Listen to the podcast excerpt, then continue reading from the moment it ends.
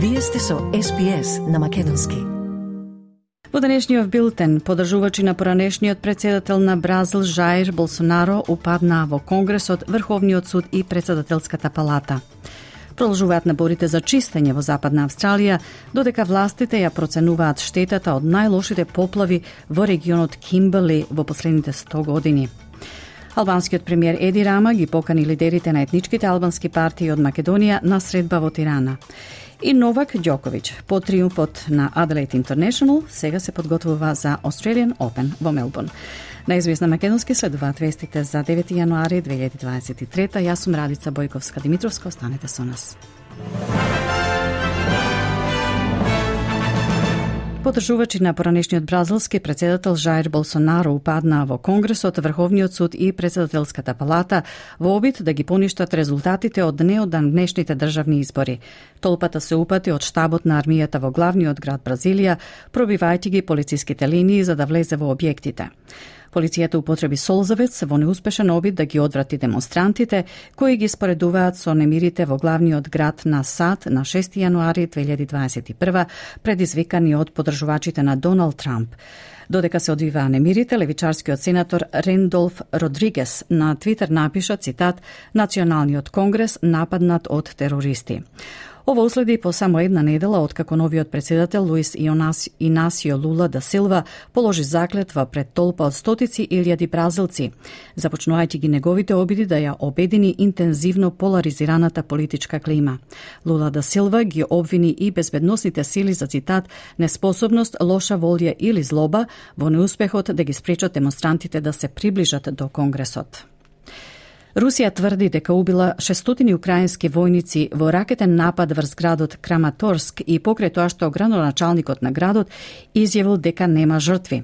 Руското министерство за одбрана посочи дека нивната смрт настанала поради нападот врз зградите во кои привремено се сместени украинските сили. Нападот за кој што известува Министерството предизвикало штета на голем број објекти, но не беа пронајдени непосредни знаци за жртви во близина на нападот.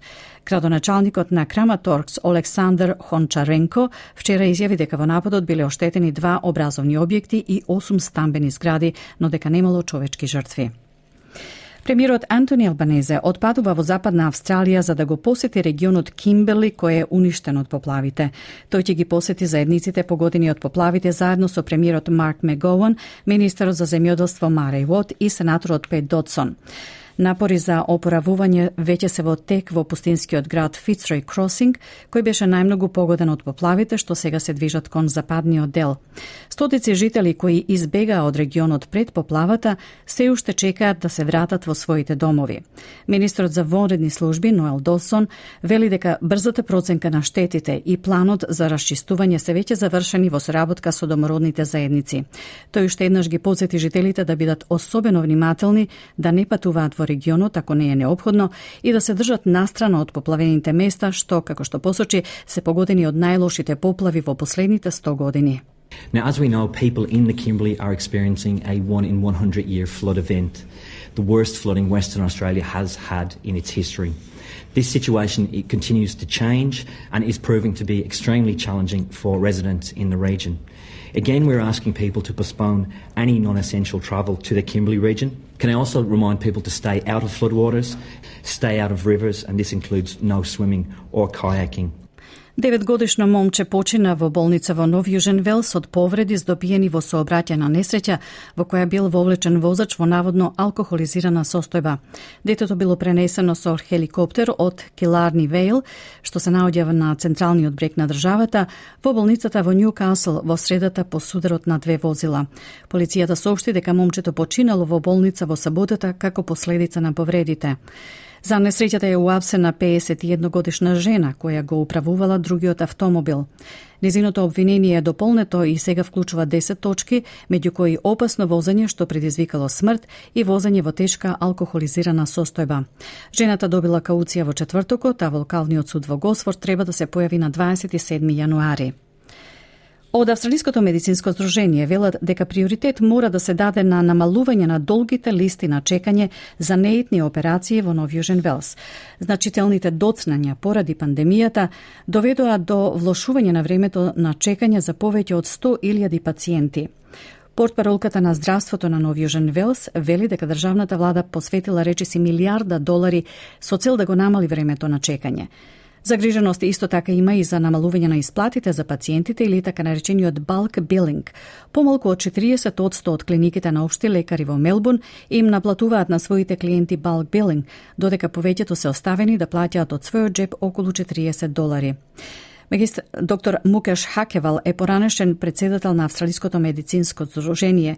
Тој за Канал 9 изјави дека системот Медикер е нефункционален и дека општите лекари се соочуваат со недоволно финансирање долги години. Many years of chronic underfunding, rebates that we get from Medicare towards our medical fees for GPs has only gone up 0.5% over 10 years. Alongside that, the normal rate of increase in health expenditure in the country has dropped over the last year or two. The number of doctors who are recruiting has dropped under 15%. So someone's been asleep at the wheel. Лабористите од Нови Јужен Велс ветија дека ќе ги прошират намалувањата на STEM duty за илјадници австралици доколку победат на изборите. Предложената шема се проширува на постоечката владина програма која нуди даночни попусти за нови или постоечки имоти за купувачите на прв дом. Опозицијскиот лидер Крис Минс вели дека сака што повеќе млади австралици да можат да го остварат сонот за собственост на дом и да бидат подобро опремени да се справат со стресот поврзан со купување на првиот дом.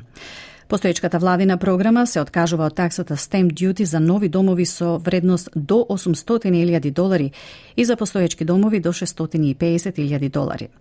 Лабористите сакаат да ја зголемат границата на вредноста, така што секој постоечки имот во вредност од до 800.000 долари ќе биде вклучен во програмата, што би им, им овозможило наречиси 46.000 луѓе да пристапат до целосно или делумно намалување на таксата според моделирањето на парламентарната канцеларија за буџет.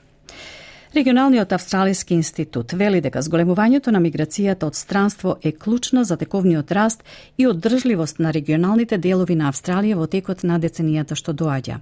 Институтот денеска објави соопштение во кое има повик за повеќе насочена миграција во регионалните области, со цел да се реши проблемот со недостиг на работната сила и квалификувани работници. Директорката на регионалниот австралиски институт Лиз Ричи вели дека Австралија треба колективно да ги разгледа следува системите и процесите за подршка на мигрантите, со цел голем број од нив да изберат да останат да живеат во регионалните делови на Австралија.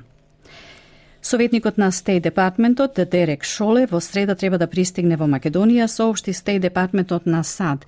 Според соопштението на 11 јануари, тој пристигнува во Скопје со посебна меѓу меѓуагенциска делегација која ќе се сретне со владини представници на разговори за низа прашања, вклучително енергетиката, економијата и борбата против корупцијата. Шоле потоа ќе отпатува во Приштина на средби со тамошната влада, политичките лидери и граѓанското општество, а на 12 јануари ќе оди во посета на Белград. Во меѓувреме албанскиот премиер Еди Рама ги покани лидерите на етничките албански политички партии во Македонија на неформална средба во Тирана. Средбата треба да се одржи утре, вторник, 10 јануари, јавува албанската новинска агенција Журнал. Некои аналитичари велат дека средбата во Тирана има за цел подготовка на нова така наречена тиранска платформа.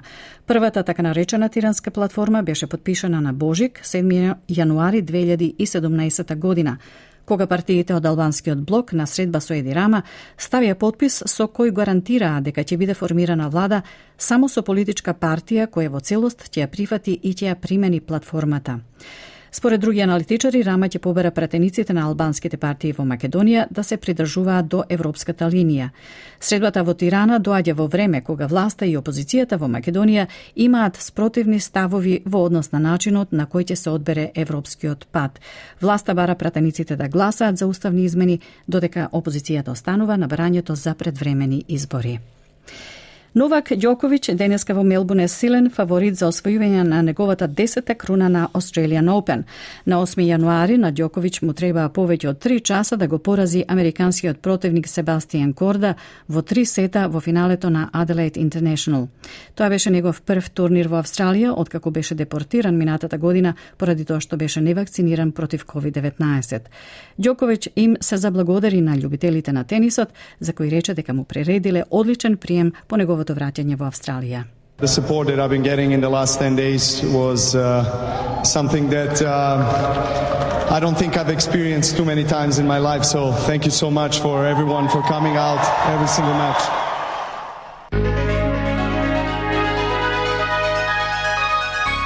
Од најновата курсна листа, денеска еден австралиски долар се менува за 0,64 евра, 0,68 американски долари и 39,77 македонски денари, додека еден американски долар се менува за 57,86 македонски денари, а едно евро за 61,58 македонски денари.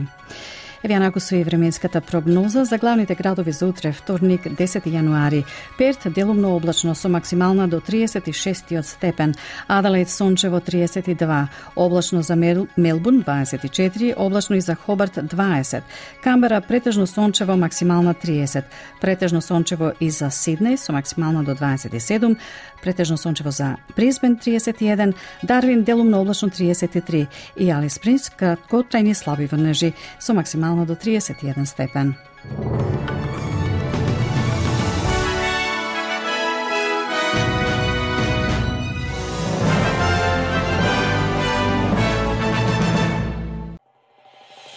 Сакате ли да чуете повеќе прилози како овој? Слушате подкаст преку Apple Podcasts, Google Podcasts, Spotify или од каде и да ги добивате вашите подкасти.